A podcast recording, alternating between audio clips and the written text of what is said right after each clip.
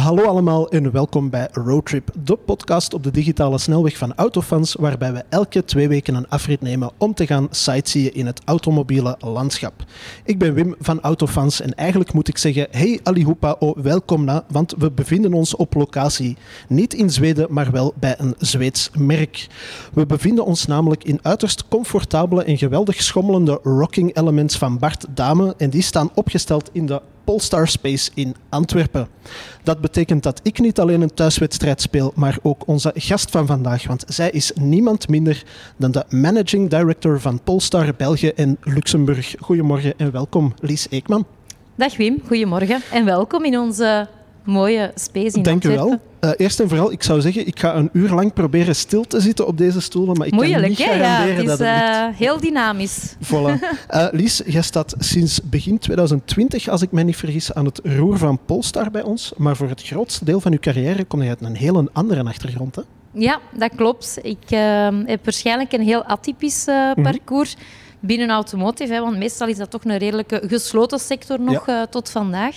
Ehm, ik heb meer dan twintig jaar in eh, fast-moving consumer goods gewerkt, dus Mhm. ook fast. Het is een andere vorm van, van snel Ja. natuurlijk. Eh, en eigenlijk pas na iets meer dan twintig jaar beslist om de overstap te maken Mhm. naar automotive. Meer getriggerd vanuit de, de transformatie en de change dat die sector moet en zal doormaken. Ja. En eh, ja, dat is altijd zo'n beetje de, de leidraad geweest in, in mijn carrière. Ik word nogal graag uitgedaagd en ik hou nogal van, van change. En ehm obsessed, denk ik wel, door, door customers, door klanten en klantenbeleving. Ja. En digitalisatie. En ja, bij Polestar kwam dat allemaal heel mooi samen. Ik eigenlijk. wou net zeggen, dat zal op geen beter moment gekomen zijn, Dat denk klopt. ik, in de autogeschiedenis Dat dan nu, hè, de laatste jaren. Nu, is dat ook een beetje de policy van Polestar om vooral buiten de klassieke automerken te gaan recruteren? Want ik denk, als ik mij niet vergis, Link Co., een, mag ik zeggen, misschien wel zusterbedrijf van jullie, heeft ook een beetje die... eh, Maar ik denk dat het altijd wel gezond is om, om een open vizier te houden. Hè. En dat Ja. betekent niet dat als je twintig jaar in de autosector werkt, dat je niet die future thinking eh, in- instelling kan hebben.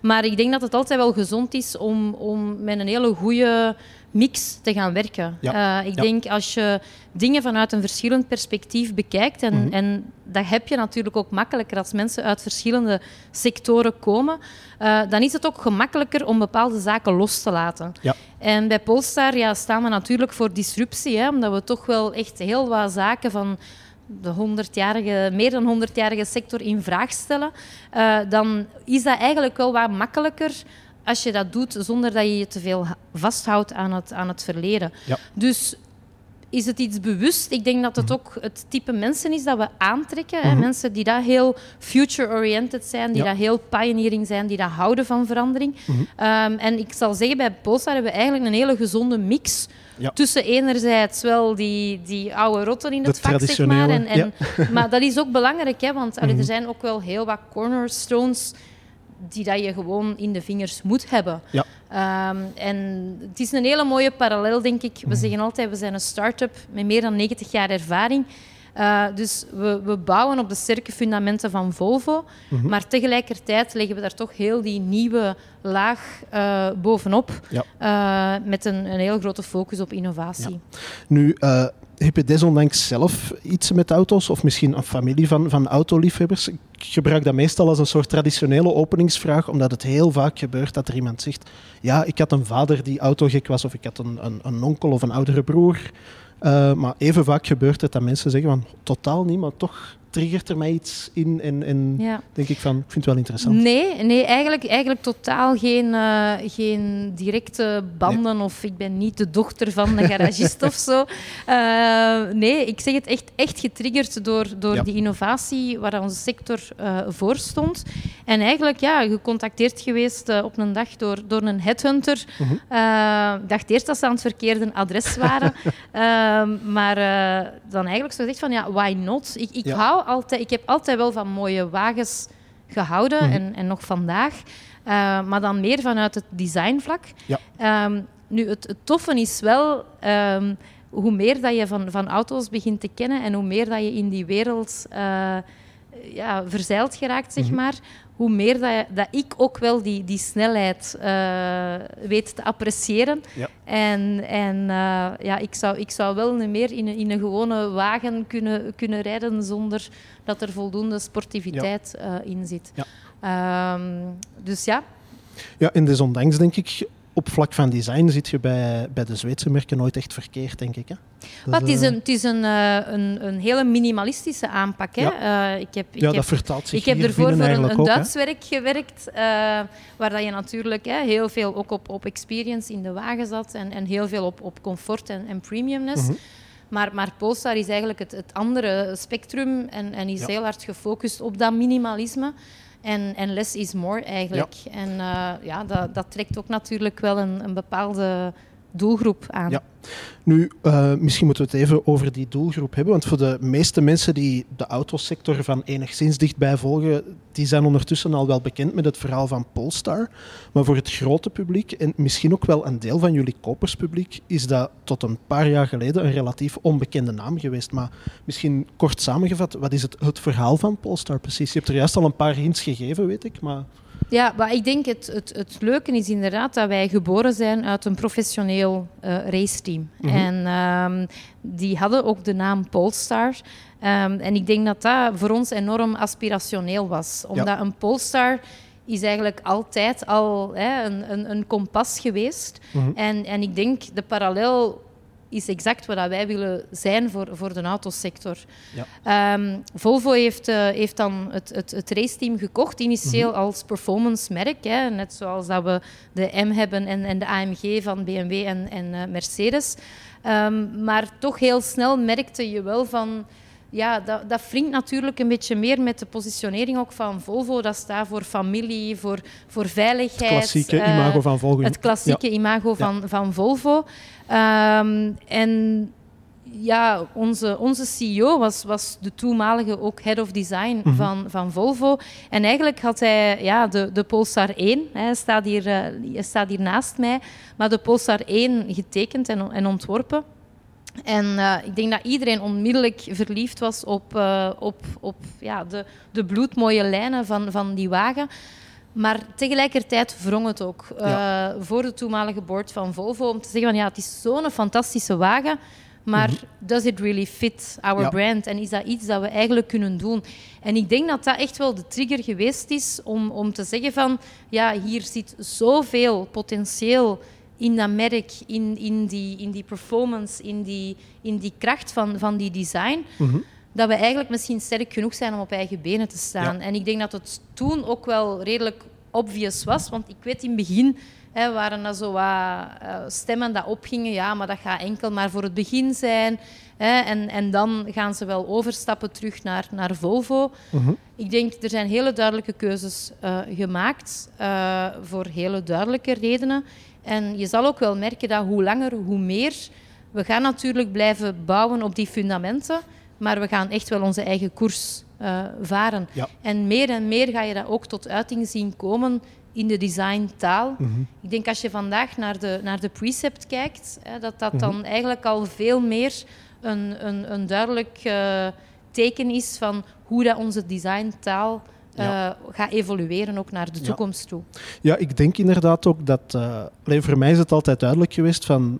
Als nieuw merk op zo'n korte tijd kun je natuurlijk niet volledig van een blanco blad beginnen. Dus het is logisch dat jullie steunen op de fundamenten van Volvo. Maar je kunt ook niet verwachten, denk ik, op de vijf jaar dat Polestar een zelfstandig merk is, ja, dat jullie zomaar uitpakken met, met, met dingen die in niks op, op bestaande technologie gebaseerd is. Maar desondanks, dat was eigenlijk mijn volgende vraag ook. Ik ben wel onder de indruk van wat jullie op vijf jaar al gepresteerd hebben. En misschien meer bepaald voor de Belgische markt ook. Het imago dat jullie op ruim twee jaar tijd hebben opgebouwd. Want ik krijg Het is zelfs bijvoorbeeld... nog geen twee jaar. Zelfs hè. nog in geen twee jaar, in voilà, ja. augustus 2022, Ja. midden augustus, gaat het eigenlijk de eerste wagen Ah, zijn die dat we afgeleverd hebben aan, eh, aan, aan de eerste Ja. klanten. Eh, dus het is inderdaad nog een, een heel recent verleden dat we, Ja, dat want we ik hebben. krijg bijvoorbeeld zelf vaak de vraag van ah ja, ik moet op zoek naar een nieuwe auto of ik moet van mijn werkgever een nieuwe auto kiezen en dat moet elektrisch zijn. En het valt mij op hoe vaak dat de Polestar 2 tussen die kanshebbers zit. Mhm. En voor ja, een relatief onbekende naam, als ik het dan zo nog even mag noemen, is dat wel best een sterke prestatie, denk ik. Hè? Ja, maar ik denk, we, we zetten heel hard in natuurlijk op die, op die merkbekendheid. Ehm, het is ook logisch hè, dat je geen wagen in overweging kan nemen als je het merk niet kent en als je niet weet waar, dat, waar dat het merk voor staat. En ik denk dat dat net heel duidelijk is bij Polestar. Ik denk het is heel duidelijk waarvoor dat we staan, ook waarvoor dat we niet staan. Ja. Dus dat zorgt er eigenlijk wel voor dat klanten effectief wel heel snel hun, hun weg naar het, eh, naar het merk vinden. Dus bouwen op die merkbekendheid is zeker by far eh, de belangrijkste doelstelling. Daarnaast heeft strategie heeft alles te maken met keuzes maken. Ja. Dus uh, wij hebben heel snel ook van in het begin ingezet op die fleetmarkt. Uh, om er eigenlijk ook voor te zorgen dat we, dat we top of mind zijn bij net die bedrijven die dat die switch veel vroeger gaan maken dan de Ja. man in de straat. Hè.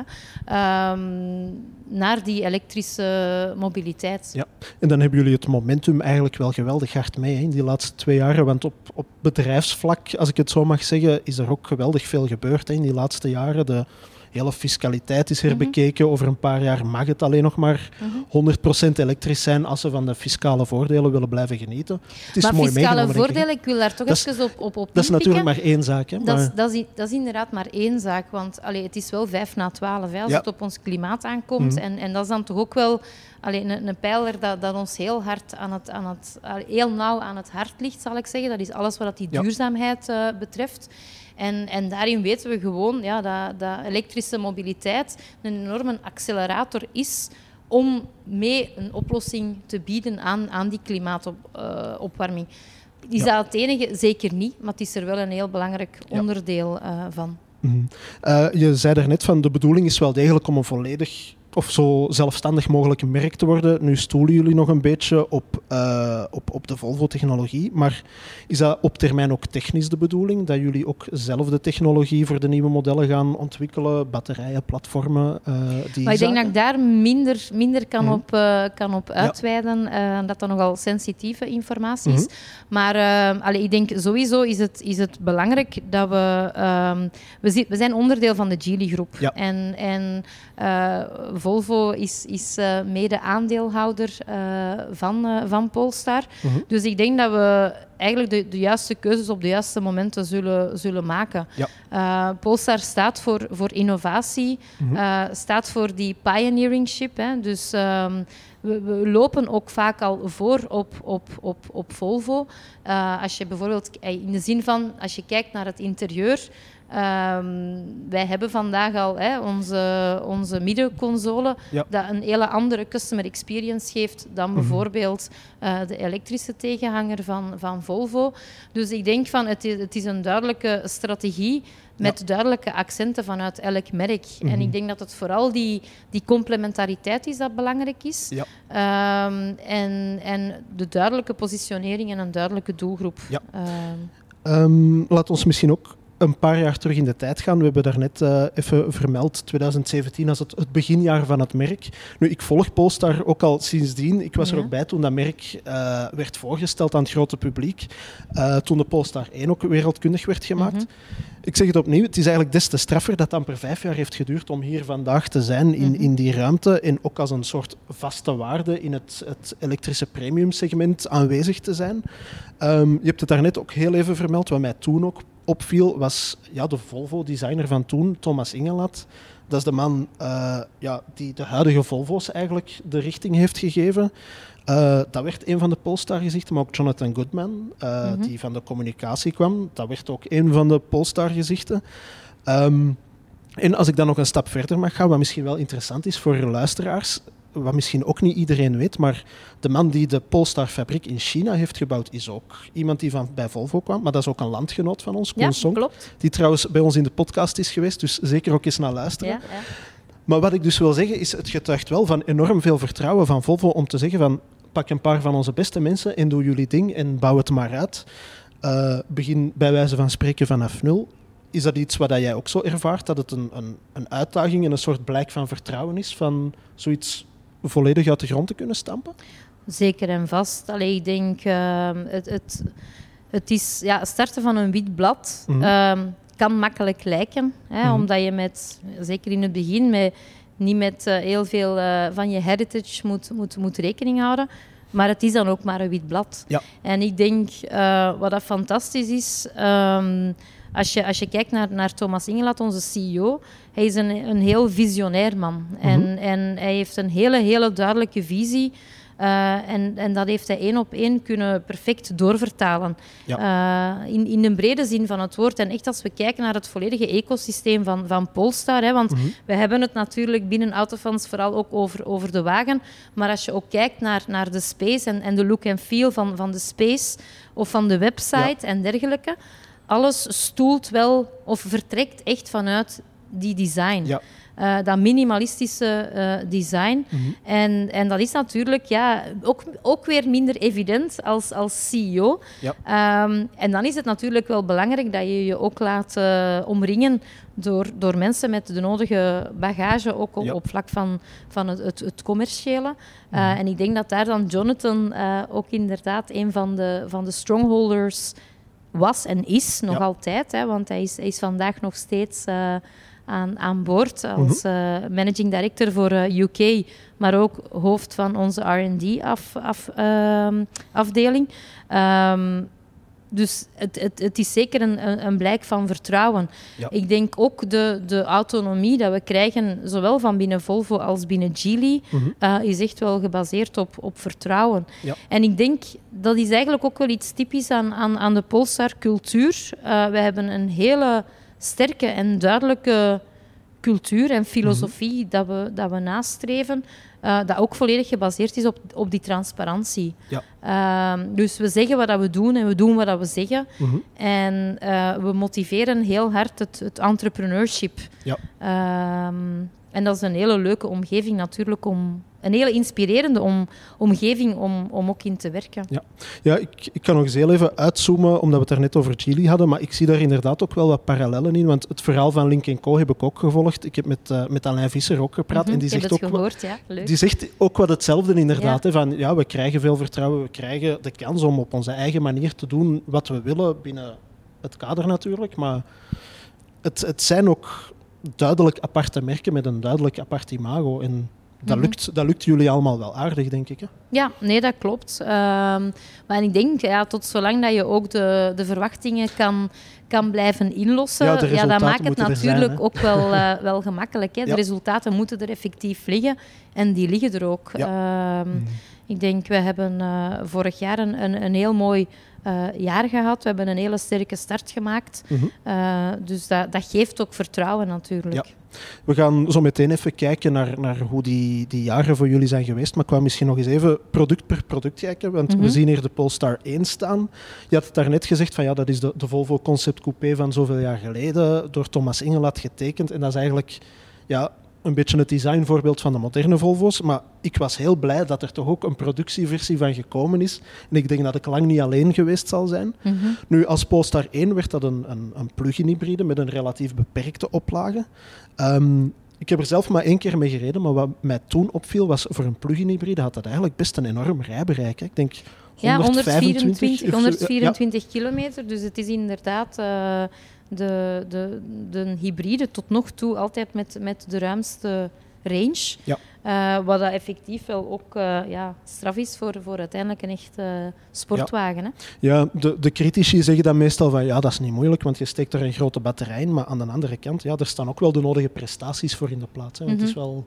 Ja, maar ik denk dat dat dan mooi compenseert ook door het mm -hmm. feit dat het volledig in carbon gemaakt is. Hè, dat dan een heel licht materiaal is. Ja. Dat dat ook wel dan uiteindelijk wel de de wagen uh, zijn, zijn mooie prestaties uh, kan ja. doen afdoen. Heb je er zelf mee gereden? Ja, ja, ja ik rijd er best wel, uh, ah, best wel af en toe mee. Ja. Hoe, hoe, heeft hij het bij ons eigenlijk gedaan? Want ik zei net, het was een relatief beperkte oplage en het was eigenlijk een soort ja, toonbeeld van Het is een collectors item. Hè? Ja. Voilà. Ja. Um, maar ik denk, wij hebben een, een hele trouwe en hechte community van, mm -hmm. van Polestar 1 rijders. Uh, dus ik denk, ja, on onze markt leent zich daar ook wel, uh, wel toe. Ja. Uh, dus we hebben best wel ehm, ja, mooie, mooie resultaten ja. gehaald met mm. deze wagen. Ja. Hij is nu effectief hè, niet meer in, nee. in productie. Dus en we kijken jaar... waarschijnlijk naar een van de laatste exemplaren. Voilà, daarom, we, we, zeggen ook wel dat het echt al een, een, een collectors item wordt. En ehm, ja, het is, het is voor ons de, de kickstart geweest. Hè. Ja. Het is natuurlijk altijd een beetje dubbel, omdat ja, we zijn wel een 100% elektrisch merk. Ja, maar je moet Maar ergens beginnen Voilà, natuurlijk. dit, dit was Ja. voor ons echt ja, het startpunt. Ja. En, en geeft wel de richting aan Mhm. waar dat we voor Polestar willen voor staan. Mhm. En, en dat is ja, toch enerzijds hè, die, die design weer, Ja. ehm, dat minimalistische design, maar vooral ook die performance. Mhm. En, en dat hebben we echt wel meegenomen, ook in de Polestar 2. eh, is echt dat rijplezier. Hè? Die, Ja. die, die acceleratie, die, die, dat fun om, om een elektrische wagen Mhm. te rijden. Dat, allee, dat ontdek je wel ook heel goed dan bij een Polestar 2. Eh, ja, voor we naar de 2 gaan, misschien nog het grootste compliment dat die Polestar 1 heeft kunnen krijgen, is dat Chris Harris, de Top Gear presentator, die heeft er een gekocht. Ja. Dus Klopt. ik denk dat dat wel ja, een ja, medaille is die jullie op de borst mogen spelden. Hè? Zeker, zeker. Ehm, nu, de Polestar 2, ik wou zeggen, ook hier is de Volvo-link natuurlijk niet helemaal weg te denken, maar tegelijk, ja, het is toch iets helemaal anders dan die Polestar 1. Hè? Het is ja, om Mhm. Ja, te is- beginnen al het is, volledig eh, elektrisch. Ja, voilà. Het is volledig elektrisch natuurlijk. En, en het is ook veel meer dan ja, ehm, ja, sedan. Hè. Dus echt toch wel een, een, een praktische Mhm. ja, familiewagen eigenlijk. Ja. Eh, Maar dan...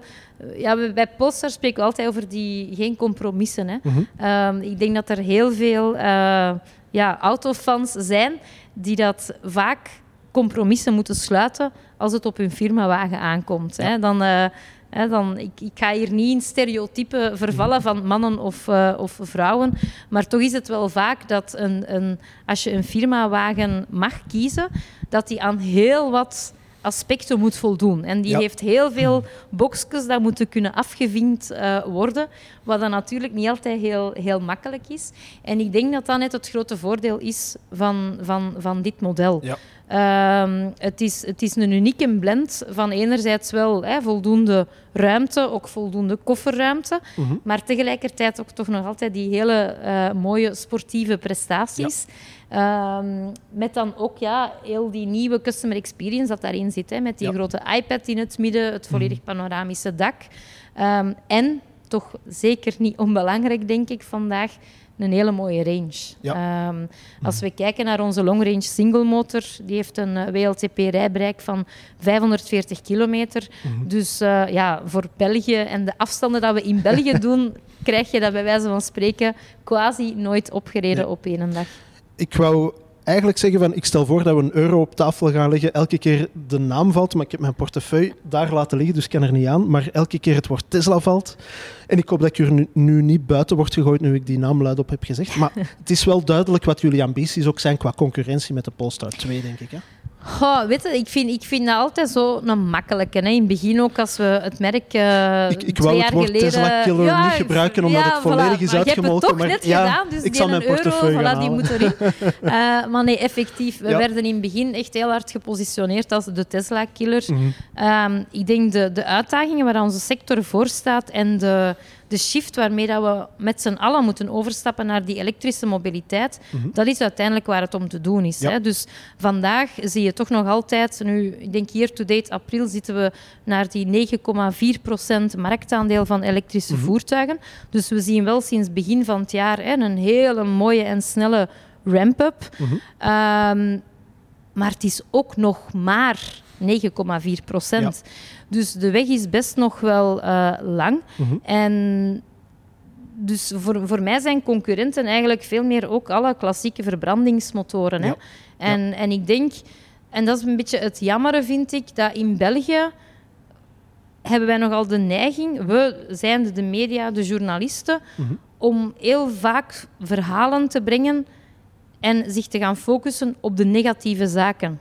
Mhm. Van waarom dat het nog te vroeg is, waarom dat er niet genoeg infrastructuur is, Ja. ehm, waarom dat de ranges nog niet groot genoeg zijn. Mhm. Maar moesten we al die energie omzetten in een positieve energie en gaan kijken waarom dat het wel vandaag al het Mhm. moment is om over te schakelen naar die elektrische wagen, dan ben ik er zeker van dat je een hele andere mindset ook gaat creëren. Ja. En dat is de reden waarom dat wij heel hard inzetten op die testritten. Ja.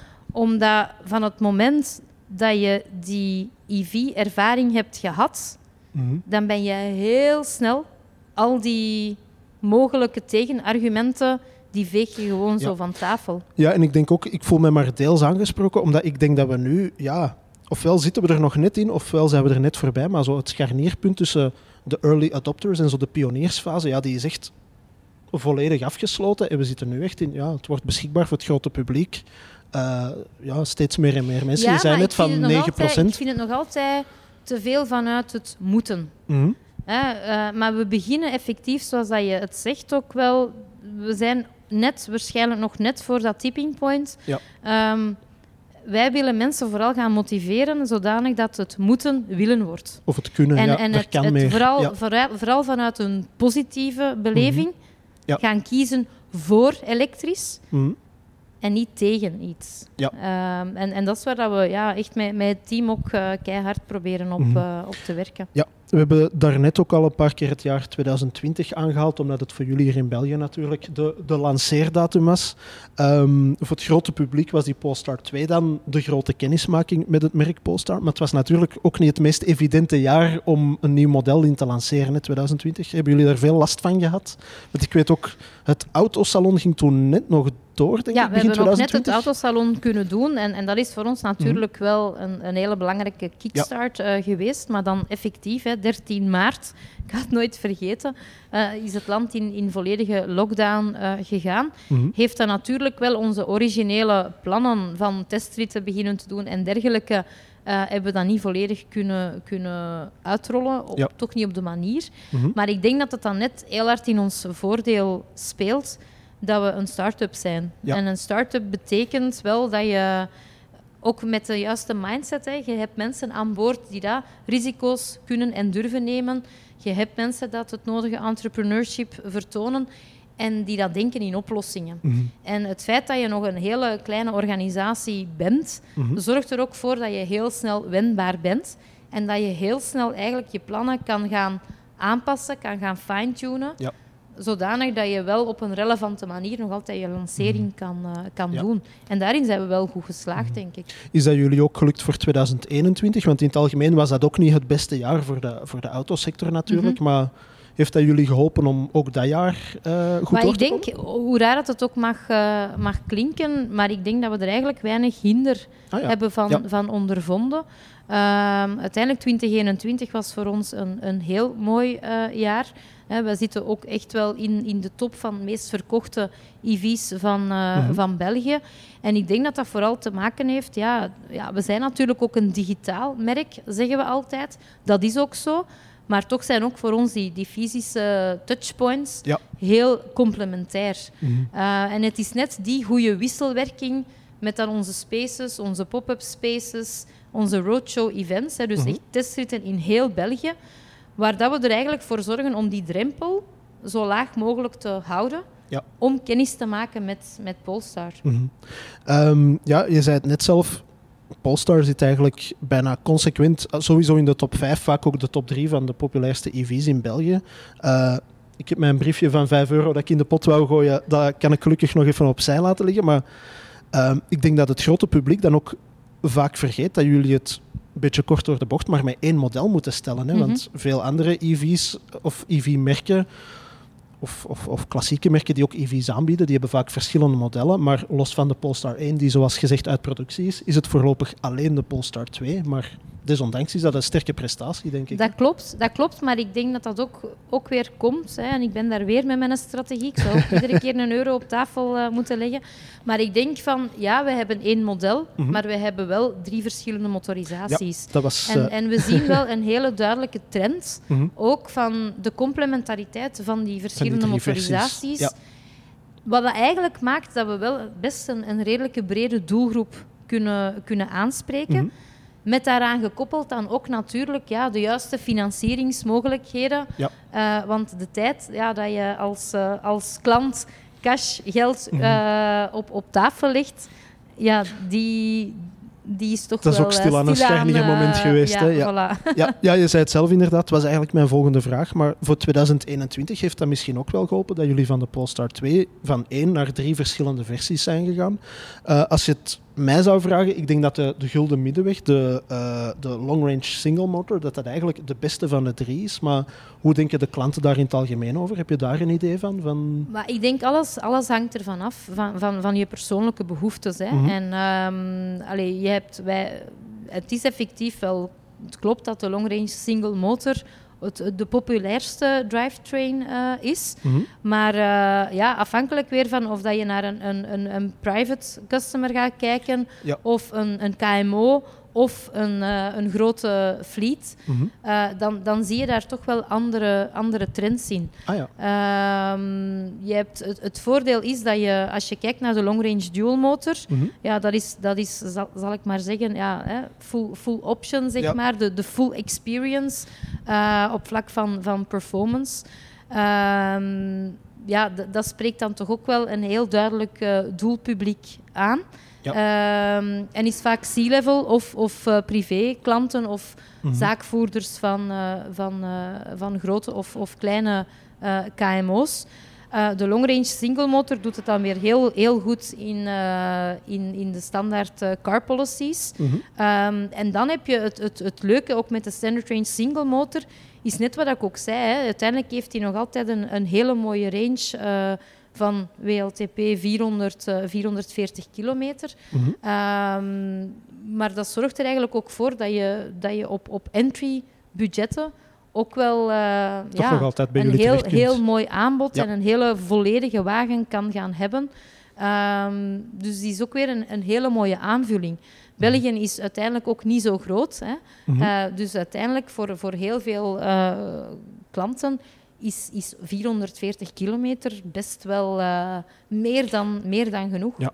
ja, en ik denk dat er ook vaak een, ik wil het niet zozeer een misvatting noemen, maar dat er ook vaak nog, nog wordt gedacht van ja, je moet opladen wanneer het nodig is, maar de, de gedachtesprong die je misschien moet maken bij elektrisch rijden is opladen wanneer het kan. Is er ergens een laadpunt, steek hem in, tank wat bij en je kunt weer voort. En... Dat zeggen wij ook altijd. Ja. Hè? Alhoewel dat we ook meer en meer toch... Uh, aan het, aan het sensibiliseren zijn, zal mm -hmm. ik zeggen, om groen op te laden. Hè, want mm -hmm. uiteindelijk, de, de sceptici van, van EV's, die, van non-EV's, die zeggen dan altijd, ja, maar ja, is dat allemaal wel zoveel meer duurzaam dan een gewone verbrandingsmotor?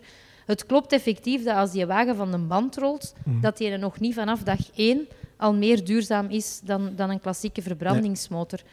Het voordeel is wel dat als je ook groen laat, mm -hmm. dat je eigenlijk je, je eigen footprint met meer dan de helft kan, kan gaan reduceren. Ja. En dus je hebt ook als bestuurder wel een hele grote power, zal ik maar zeggen, om je eigen CO2-footprint significant te gaan reduceren. Ja. Dus mm -hmm. ja, laden wanneer het kan, liefst groen natuurlijk. Mm -hmm. Maar ik merk toch ook wel uh, op hè, van uh, ook de, de fastnets, de Ionities, hè, de fast chargers van, van, van, van deze tijd. Die hun infrastructuur die, die groeit echt significant. Ja, absoluut. Um, dus het zorgt er wel voor. Al, ik, ik zeg nu niet dat je dat elke dag moet, moet gaan doen. Mm -hmm. Maar uiteindelijk ja, geeft je dat wel het, het comfort en het vertrouwen dat als je thuis moet vertrekken voor een lange afstand. Mm -hmm. Dat is niet onoverkom nee. onoverkomelijk. Je stopt gewoon 20 minuutjes. Ja. Uh, je doet ondertussen een kou of, of, of je gaat een koffie drinken -hmm. of je doet een technische pauze. En die 20 minuten die zijn ook zo om. Ja. Dus dat bijladen effectief verandert, allee, komt meer en meer ook in ons klassieke dagdagelijkse leven ja. uh, meer aan bod. Ja. Um, nog even specifiek over de Polestar 2 als het product. Je had het daar straks even over die, die customer experience, dus de manier waarop dat die auto er binnenin ontworpen is met dat groot scherm enzovoort. Um, zijn er, want het groot scherm, dat is, ik vind dat heel interessant, omdat dat is ook een heel andere manier van software. Hè. Dat is geen, laat ons zeggen, door Polestar ontwikkeld product, maar dat is een Google-product. Maar dat geeft jullie wel de vrijheid om daar regelmatig updates voor te voorzien, om daar specifieke apps voor te ontwikkelen. Zijn daar dingen die jullie, of die jij misschien persoonlijk daar graag nog op zou willen zien, dat, waarvan je denkt van dat zou nog wel een toffe aanvulling zijn? Ik heb daar bijvoorbeeld heel concreet, ik ben een, een iPhone-gebruiker. Ja. De dag dat daar Apple CarPlay op beschikbaar is, ga ik heel blij zijn. Maar voor de rest, ja, de, Ja. het geeft jullie veel mogelijkheden om daar een, een soort ja, persoonlijke het- het- het- beleving van te maken. Hè? Voilà, ik denk dat dat de essentie is van, eh, van wat ik wou Mhm. vertellen. Is, het is net ja, het, het verlengde van je, moba, je, je mobiele Ja. telefoon. Hè. Mhm. Eh, dus het, het grote voordeel is dat je het volledig perfect kan gaan customizen, dat je het volledig kan gaan aanpassen aan, aan je persoonlijke eh, behoeftes. Eh, ik heb er best wel wat apps op staan hè, om, om naar, eh, naar podcasts Mhm. te luisteren. Om eigenlijk, ja, als ik onderweg ben, eh, ook weer perfecte tijdverdrijf voor onderweg. Of, Ja. of tijdens het laadmoment, hè, dat je echt Mhm. wel leuke inspiratie kan, eh, kan gaan opdoen op de thematieken waarin dat je, dat je geïnteresseerd bent. Eh, Apple CarPlay, inderdaad, we zeggen het al lang, het, het, duurt, ook, het duurt ook lang. Ja. Maar dat is net het, het nadeel misschien een beetje, hè, van... ja, je moet het wel met een andere partij Tuurlijk. doen en je moet samen door de deur van, kunnen. van, van externe partijen. Ehm, maar het, geeft het weegt niet op tegen de nadelen. Nee. Ehm, ik denk, wij geloven bij Polestar heel hard in, in die ecosystemen. Hè. En Mhm. hoe langer, hoe meer zal je wagen eh, ja, deel zijn van een veel groter ecosysteem. En, en ik denk dat dat net ook op termijn nog de grote sterkte gaat zijn van, van Polestar. Ja. De veranderingen die stapelen zich zo snel na elkaar op, Mhm. dat als je binnen een, een, een gesloten omgeving blijft zitten, dan denk ik dat je daar als, als autobouwer eh, heel snel heel veel ja, dingen door gaat, eh, gaat missen. Ja. Ehm, naar gebruiksgemak, ja, die over-the-air updates. Hè, we Mhm. hebben er eh, toch al een aantal eh, achter de rug. Ja, dat is ongelooflijk eigenlijk, Mhm. want ja, je rijdt constant met de nieuwste wagen rond. Ja. Ehm, en je doet dat eh, gewoon door één knopje, door één druk op de knop, Mhm. zonder dat je wagen daarvoor binnen moet. Ja, en het is ook iets. Het, het leeft heel hard bij andere merken ook. Hè. Eh, allee, ik lees dat heel vaak in persdossiers van, ah ja, we hebben nu ook een systeem met over-the-air updates. En dan denk ik, eindelijk. Ja, ja klopt. Ja. Dus, eh, maar wat ik ook wel interessant vind, is dat eh, als je de wagen aankleedt, op zich zijn er niet zo... Allee, je hebt merken waar je echt pagina's na pagina's van opties moet zitten doorbladeren en zien van, ah, moet ik dat nu wel nemen, moet ik dat nu niet nemen? Bij jullie is de keuze eigenlijk relatief beperkt. En dat is iets wat, wat eh, Wim mij voor de opname nog even influisterde, wat ook iets heel interessant is, is dat jullie ehm, op de website ook aangeven van, als je die opties neemt, dan is de levertermijn dit. Als je die opties niet neemt, of als je een andere optie neemt, dan is de levertermijn dat. Mhm. Terwijl dat, dat een probleem is bij veel andere merken die moeten zeggen van, we kunnen een auto niet leveren met die Mhm. opties, want Ja. het, Maar ik het is denk wel heel transparant, hè, denk ik. dat hè. is Het is overzichtelijk en heel- transparant. heel transparant. En allee, ook, ook het feit dat wij zo hard ehm, ja, duwen ook op, die digitale journey, moet het ook gewoon makkelijk en heel intuïtief zijn voor die klant. Want anders eh, geraakt hij gewoon zijn, zijn weg kwijt. Mhm. Ehm, en dat is niet alleen zo in het aankoopproces, maar ik denk ook een keer als je in een, hè, in een, in een Polestar 2 stapt, Mhm. Ehm, we hebben geen dikke eh, gebruiksmanual hè, van, van honderden pagina's dik.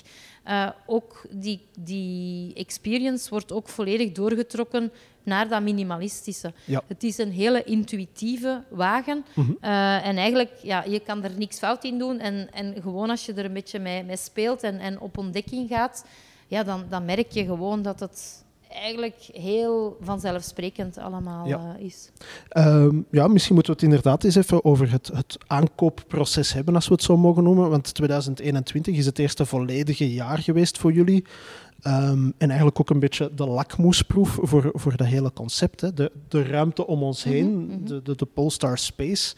Ehm, die, ja, het aankoopproces, misschien moet je ons daar eens even doorhitsen van... Gebeurt het volledig digitaal? Mensen kunnen ook hier terecht. Hoe, hoe zit dat precies in zijn werk? Maar Het is hier een- kan je een heel geen, specifieke hier je strategie, geen, eh, ja, hier kan je effectief geen wagen kopen. Nee. Hè? Dus onze spaces die, die worden gebruikt. ehm, je kan er terecht voor gelijk welke vraag, zowel Mhm. als klant of als je nog in het aankoopproces eh, zit. Mhm. Eh, je kan hier terecht voor een testrit. Je kan hier terecht voor je vragen rond laadinfrastructuur. We helpen je natuurlijk met plezier om een wagen eh, samen te stellen. Ja. Eh, en we helpen ook wel klanten die dat echt zo, ja, toch nog dat digitale koudwatervrees hebben. Ja.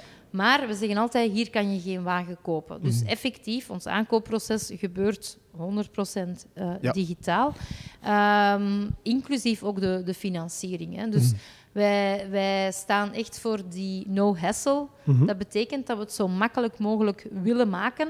Ja. En dat je eigenlijk ja, letterlijk vanuit een, een schommelstoel of, eh, of bij wijze van spreken zelfs vanuit, eh, vanuit je, je bad eh, in een aantal klikken je wagen kan, kan bestellen en ook Mhm. financieren. En ja, de, de ruimtes hier zelf, dus die, die, die fysieke contactpunten dan, voor, voor mensen die toch nog met vragen zitten of die toch eens van dichterbij willen kijken. Ehm, je gaat ook niet zomaar naar een Polestar Space op een steenweg naast een Peugeot-garage, een Kia-garage, een Mercedes-garage, maar jullie kiezen ook wel specifiek voor, ja, ik moet het bijna zichtbaarheid noemen, want als ik het in de gaten hou, hoeveel mensen hier even stoppen en kijken. En Mhm. het is nee, wel dat klopt. Dat klopt. een bewuste keuze opnieuw. Hè? Het is een zeer bewuste keuze. Ehm, onze spaces bevinden zich echt wel in het hart van een stad. Dus Ja. je hebt geen wagen nodig om een wagen te kopen, eh, tussen haakjes. Maar ik denk dat dat echt ja, een, een, een, een representatie is van waar we als merk willen voor staan. Dus het is wel belangrijk dat we accessibel zijn. Dat Ja. mensen eh, effectief hier gewoon kunnen binnenwandelen. Ehm, het is ook een, een, een fundamenteel onderdeel van, van het uitbouwen van onze merkbekendheid. Ja. Ehm, maar we willen het zo laag mogelijk, zo laagdrempelig mogelijk houden Mhm. Om net die transitie naar een elektrische mobiliteit te gaan, te gaan versnellen en te gaan vergroten. Ja. Dat is ook de reden waarom dat we in alle grote steden, hè, Antwerpen, Brussel, Gent en Luik voor Wallonië, Mhm. een permanente space hebben. Ja. Eh, we hebben ook nog onze pop-up eh, space. Mhm. We stonden eerst in eh, Hasselt. Dan zijn we vorig jaar tijdens de zomer naar Knokke gegaan. Mhm. Zijn we terug naar Hasselt gekomen. En eh, nu sinds eh, twee weken, denk ik, eh, zijn we eigenlijk gelegen op de Vaartkom in Leuven. Ah ja. Ehm, en kan je daar ook gedurende een aantal maanden ook daar langslopen. En is het de bedoeling om het bij die vier permanente spaces te houden? Of is er op termijn ook nog het idee om het uit te breiden? Of is dat dan eerder het idee voor die, die mobiele space, laat ik ze ik zomaar denk, noemen we, dan? we zijn geen klassiek merk, hè, Nee. waar dat we zo in elke, onder elke kerkentoren... Op elke een, steenweg. eh, of op elke steenweg een, eh, een, eh, een winkel willen, willen hebben. Mhm. Eh, ik denk voor ons is het, is het, is het hart, is, is onze website. Maar nogmaals, we willen wel die, die klanten de keuze ook geven Ja. als ze effectief fysiek willen, Mhm. willen langskomen. Ook ons eh, Customer Care Center, hè, dus wij hebben ook eigenlijk eh, zes dagen op zeven een, een heel team eh, in België zitten Mhm. die dat ehm, elke telefoon, Ja. eh, elke vraag dat je hebt, is het over je product, is het over waar is mijn auto, is het over uw configuratie, Mhm. je kan die ook eigenlijk altijd mailen of, of een chat sturen. Ja. Ehm, en we hebben echt altijd een, een team klaarzitten dat je in je eigen taal, hè, is het eh, Nederlands, Frans of Luxemburgs, eh, dat, je, dat je te woord staat. Mhm. Ja. Dus je hebt echt wel voldoende keuze. Mhm. En wij passen ons eigenlijk aan aan de klant Ja. in plaats van andersom. Ehm, ja, jullie kiezen dus echt voor een heel eigen concept van, van ja, contact met de klant. Nu, de klassieke showrooms en de klassieke dealers, ja, als je dat een beetje op de voet volgt, dat staat de laatste tijd ook wel stevig onder druk. Hè. Hoe, hoe Mhm. kijk jij er als, mag ik het misschien een buitenstaander noemen, of als, als, als iemand van een merk die daar op een andere manier naar kijkt, hoe kijken jullie daar tegenover? Is dat effectief iets wat herbekeken moet worden? Niet aan, ah, ja, is het onvermijdelijk? Ja, ik, is denk, het... ik denk dat het onvermijdelijk is. Mhm. hè. Ik denk als we een fast-forward knop zouden kunnen induwen en vijf jaar zouden kunnen verder spoelen. eh, dat is misschien een straffe uitspraak, maar ik denk niet dat er nog heel veel concessies zullen zijn dat op, op basis van de huidige businessmodellen werken. Nee. Het is zo outdated. Mhm. Ehm, ik denk dat ook meer en meer merken zelf de controle eh, willen hebben. Ja. Nu, dat, want ik, ik, allee, ik schep daar soms wel wat kwaad bloed mee. Hè. Ik Mhm. merk dat dan ook als ik, als ik bepaalde uitspraken doe, hè, dat, dat dan dealers van andere merken op hun achterste poten gaan staan. Dat wil niet zeggen dat ik geen respect heb voor Nee, het werk dat de dealers doen. Nee. Ik heb een onnoemelijk groot respect voor wat dat de dealers doen. Ik denk dat dat ook heel vaak onderschat wordt hè, Mhm. door, door, de, door de OEM's. Ehm, maar ik denk wel dat zij mee moeten evolueren. Ja. Ehm, ik denk de Achilles heel. Mhm. Ik moet nu even goed nadenken hoe dat ik het ga verwoorden, maar ik Mhm. denk de Achilles heel is eigenlijk het businessmodel hoe dat het initieel gevormd is van aankoop en verkoop. Ja. Ehm, waarom? Omdat ja, er wordt ook hè, heel vaak traditioneel heel veel stok doorgeduwd naar De concessie naar de eigenlijk as concessie. En Ja. zij moeten dan tussen Ja. haakjes bepaalde uitdagingen maar, eh, maar oplossen. Mhm. Ehm, en zij moeten dan uiteindelijk die wagens uiteindelijk gaan verkopen aan, aan de eindklant. Ja. Het hele model is gebaseerd op variabele verloning. Mhm. Dus je kweekt eigenlijk je verkopers, Mhm. of je leidt eigenlijk je verkopers op om enkel geïnteresseerd te zijn in hun eigen portefeuille. Ja. Niet geïnteresseerd te zijn in wat dat je klant Mhm. eigenlijk wil. Ja. Dus heel dat model staat gewoon een goede klantenbeleving in de weg. Mhm. En dan kunnen verkopers kwaad worden, maar zij gaan verkopen wat dat ze hebben. Ja. Niet wat dat de klant wil. Mhm. En dat is het begin van het einde. Dat is Ja. waar dat het hele model gewoon niet meer werkt. Mhm. Een klant vandaag, als die een concessie binnenwandelt, Mhm. dan weet hij al welke wagen hij wil. Die weet beter dan Die ooit. weet beter Ja. dan wie welke wagen hij wil en Ja. ook welke wagen hij niet wil. En toch blijft die verkoper in zijn traditionele verkoopsgesprek stappen. Vooral veel praten, weinig luisteren. Ja. En dan heeft die klant zoiets van... Maar what the hell? Waarom moet ik in godsnaam nog naar een dealer gaan? Ja. Want die wil mij een andere kleur, een andere motorisatie, Mhm. zelfs een ander model aanbieden van wat ik eigenlijk wil. Ja. Het beslissingsproces van de klant is dermate fel veranderd Mhm. dat het model gewoon niet langer kan werken. Ja. ja. En ik denk, alle merken hebben dat begrepen. En ik denk, als de dealers eerlijk zijn, hebben zij dat ook begrepen. Ja. Natuurlijk, daarmee is niet gezegd dat het makkelijk is om dan die een change te gaan omarmen. Mhm. En om wel te gaan kijken van, oké, als het dat niet meer is, waar zit er dan wel een businessmodel? Ja. En ik denk dat er nog wel heel duidelijk een rol is. Met name veel meer die focus op service gaan, gaan Mhm. uitspelen. Hebben jullie het gevoel dat de, de Belgische autokoper wordt af en toe een beetje beschouwd als een heel klassieke autokoper? Hebben jullie het gevoel dat die mee zijn in dat verhaal? Eh, Maar ja, natuurlijk. ja. Allee, wij, wij, allee, wij zijn nu twee jaar effectief op, op, op de markt. mhm. Ehm, ik denk dat het vaak tussen de oren zit van, van de dealers of van de andere OEM's, dat een klant niet klaar zou zijn om digitaal te Ja. kopen. Dat betekent niet dat die klant geen begeleiding nodig Mhm. heeft of zo. Hè. En natuurlijk, het productaanbod moet er zich ook toe lenen. Ja. Hè. Als je effectief 250 verschillende opties hebt. ehm, Ja. Het is denk ik een, een, nieuwe, een nieuwe definitie van premiumness Mhm. is net wat dat je zei, is dat customizen van je wagen. Ja. Ga verder dan alleen maar het stiksel of de naad van, van, van de kussens. Mhm. Eh, ga vooral over ja, hoe, hoe past die wagen in mijn dagelijkse leven. En dat is voor mij veel meer de, de, het nieuwe premium. Eh, de grootste instroom van jullie klanten, je hebt het zelf ook eh, aangehaald, eh, komt net zoals bij heel veel andere EV-merken in ons land vooral uit zakelijke rijders, uit bedrijfswagenrijders.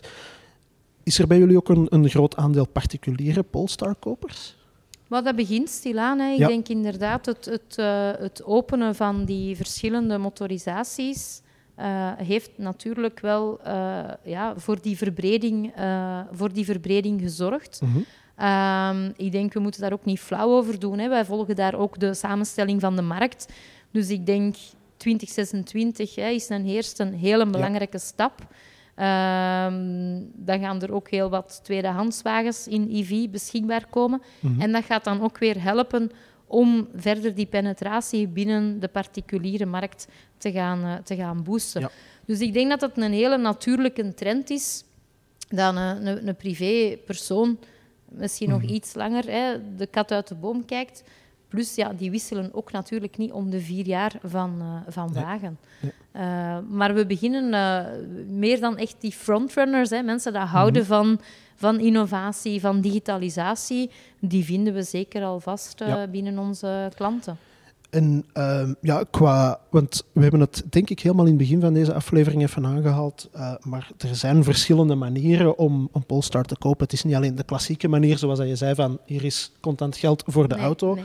Maar jullie zitten ook heel verscheiden qua leasingopties. Als ik, ik heb gekeken wat er allemaal op de website mogelijk is. Het was financiële leasing, financiële renting, operationele leasing. Dat is dan allemaal zakelijk natuurlijk, maar er is ook particuliere leasing. Heb je een idee van hoe die verdeling er bij ons ongeveer uitziet. Want ja, elke vorm van leasing heeft zijn eigen voordelen en nadelen natuurlijk, met aankoopverplichtingen of aankoopopties, mhm. met uh, bepaalde dingen die al dan niet inbegrepen zijn. Heb je daar een, een, een ruw idee van? van, van... percentages kan ik me natuurlijk niet, niet over uitspreken, ehm, maar ik denk, allee, zoals dat je zegt, hè, voor ons is het aanbod superbelangrijk. Mm en uiteindelijk, de eerste stap is van weten dat je voor een Polestar kiest, de volgende stap is dan van oké, hoe ga ik die wagen financieren mhm. en wat past nu het beste bij mijn persoonlijke uh, situatie. En dan merk je wel, allee, wij, wij bieden inderdaad uh, Polestar Leasing uh, aan. Mm -hmm. dat is echt voor, voor, het, voor het type klant dat zegt van... Ga, weet je, allee, ik, ik wil vooral geen, geen kopzorgen. Mm -hmm. de, de no-hassle. Voilà, ja. echt onze no-hassle. En ja. voor ons is dat eigenlijk wel de essentie van, van, van het hele concept van, mm van Polestar. Is die, die klanten toegang geven, letterlijk de sleutel geven tot elektrische mobiliteit, tot een meer duurzame mobiliteit, maar op een manier dat hem echt totaal geen, geen, geen zorgen heeft. Dus wij, wij, ja, wij nemen alles voor hem hè, uh, uh, uit handen, zeg maar. Uh, dus dat is letterlijk met, met drie klikken op, op, op je muis dat je, dat je heel convenient thuis van op je sofa gewoon je wagen kan kopen. Verzekering zit daarbij in, ook onze, onze breng- en haalservice zit daarin. Mm. natuurlijk heb je dan effectief wel niet de mogelijkheid om de wagen na afloop van de leasingperiode uh, te kopen, maar je stapt gewoon dan in een, nieuw, in een nieuw contract. Dat is ook iets wat misschien niet algemeen geweten is. Voor, ik kom nog één keer terug op de particuliere kopers, maar zij kunnen dat ook doen met een, met een, een private lease. Dat is een beetje een onderschatte, onbekende misschien in het hele verhaal, maar uh, weten de particuliere Polestar-kopers van het bestaan van, van dat concept af? Is dat iets... iets ja, ik denk, ik denk voor binnen de juiste communicatiekanalen hè, dat we daar mhm. toch ook wel de nodige aandacht aan, uh, aan schenken. Uh, maar natuurlijk, dat is niet iets dat we een grote affichagecampagne nee. mee gaan maken. Waarom niet? Omdat je eerst, hè, zoals ik zei, eerst voor jezelf moet, moet gaan beslissen van oké, okay, past Polestar 2 in mijn leven? Mhm. Is dat de wagen dat ik wil? Dus dat is wel echt een, iets dat we meer focussen in, in digitale communicatie bijvoorbeeld. Mhm. We hebben daar ook een, een, een hele mooie uh, samenwerking met, met ALD, hè, want zij zijn mhm. uiteindelijk onze, onze partner uh, waarmee dat we samen Polestar Leasing uitbouwen. En zij hebben natuurlijk ook wel echt de nodige expertise opgebouwd uh, de afgelopen jaren. Ja. Uh, dus het is een, een heel mooi en volledig uh, product, mm -hmm. toch aan een, aan een hele competitieve prijs ook. Ja. Nu we stilaan richting het einde van deze podcast gaan, misschien nog een, een, een, blik in de toekomst. En dat is meestal het moment waarop dat de gasten even verstijven, omdat ze niet altijd alles mogen zeggen natuurlijk. Maar Polestar is daar relatief open in. Uh, die Polestar Precept bijvoorbeeld, dat is, uh, ja, er liggen wel wat plannen op tafel. Hè. Je hebt die helemaal in het mhm. begin ook even aangehaald. Dat is een mooi voorbeeld, denk ik, van waar jullie op termijn qua design naartoe willen. Hè? Ja, maar ik denk absoluut. Ik denk we zijn, we zijn heel ambitieus hè, met, met mm Polestar. We zeggen altijd: Polestar, the sky is the limit. Dat zijn we onszelf natuurlijk ook, uh, ook verschuldigd. Mm -hmm. uh, de plannen die we hebben onthuld, is inderdaad dat we maximaal willen gaan inzetten op groei. Ja. die groei is enerzijds door een, een uitbreiding van ons aanbod, hè, dus mm -hmm. meerdere modellen gaan aanbieden. Elk jaar voor de komende drie jaar zullen we een, nieuwe, een nieuw model gaan, uh, gaan lanceren. Ja. Uh, maar ook groei door uh, de introductie van Polestar in nieuwe markten. Ah, ja. En dus eigenlijk sinds, sinds februari zijn we ook gelanceerd in, in Luxemburg. En mm ben ik dus ook verantwoordelijk voor Polestar Luxemburg. Maar tegen het eind van 2022 is het de bedoeling dat we in meer dan 30 landen aanwezig zijn. Ja. Dus die geografische expansie is superbelangrijk. Nu, ik denk dat jij meer geïnteresseerd bent in, in de uitbreiding van uh, welke modellen komen er aan. Dus uh, zoals dat je weet, uh, is, is ook Polestar 3 aangekondigd. Uh, hebben we ook al gesproken effectief over Polestar 4, Polestar 5. Ja. Um, en die Polestar 5 uh, is dan effectief de, de, de precept Mhm. dat een hele mooie uh, blik werpt op, op die designtaal Ja. van, uh, van Polestar. Ja, om dan nog even helemaal terug te springen naar het begin. Maar die, die precept, als ik me niet vergis, kondigde ook een beetje... Niet echt de scheiding, maar een beetje het afsplitsen van, van de, of de hand van Volvo loslaten, als ik het zo mag noemen, qua design. Hè. Omdat ja, de huidige modellen zijn een beetje schatplichtig daaraan, maar de toekomstige modellen, we hebben het in het begin gezegd, die willen hun eigen richting uitgaan. Dat is ook een beetje wat de precept aankondigde, denk ik. Ja, van, zeker qua design vast, ja, gaat het ja. meer die kant op. Het is nog meer uitgepuurd, eh, nog meer dat, ja, en dat sportieve en tegelijkertijd ook het, het minimalistische design.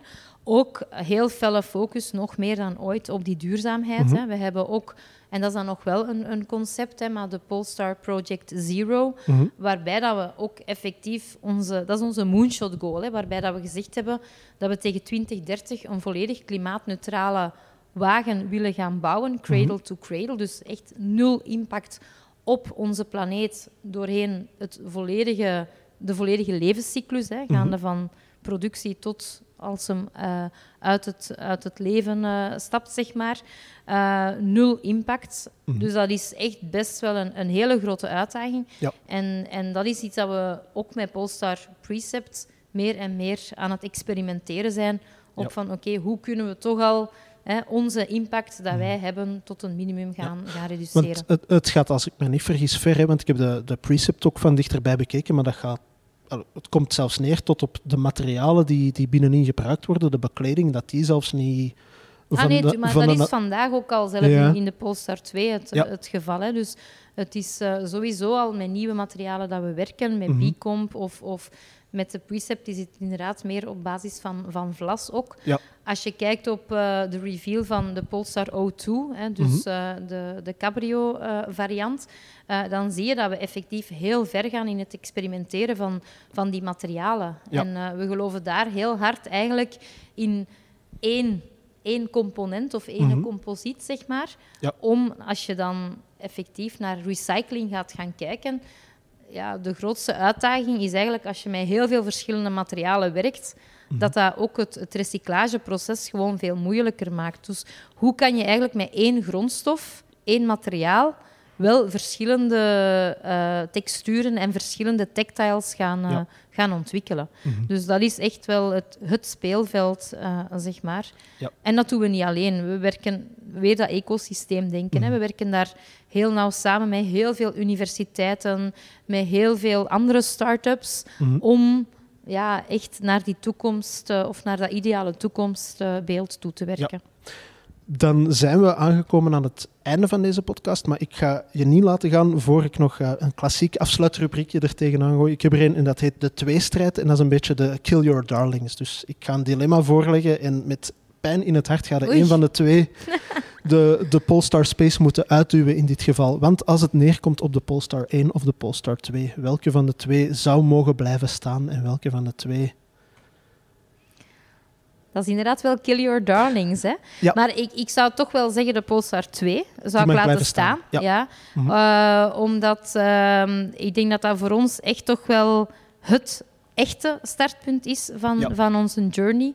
Eh 100% elektrisch. Mhm. En, en toch wel met een heel groot respect naar, Naar dan die Polestar Polestar 1, 1 ja. toe. Ja. Alright, voilà. Dan rest er mij alleen nog maar om u geweldig hard te bedanken voor het eh, uur dat je vandaag voor ons hebt gedaan, willen vrijmaken. Voilà. En jullie bedankt voor het luisteren via de geëikte kanalen. Bedankt voor het kijken via YouTube. Over twee weken zijn wij er opnieuw met een nieuwe roadtrip. Tot dan!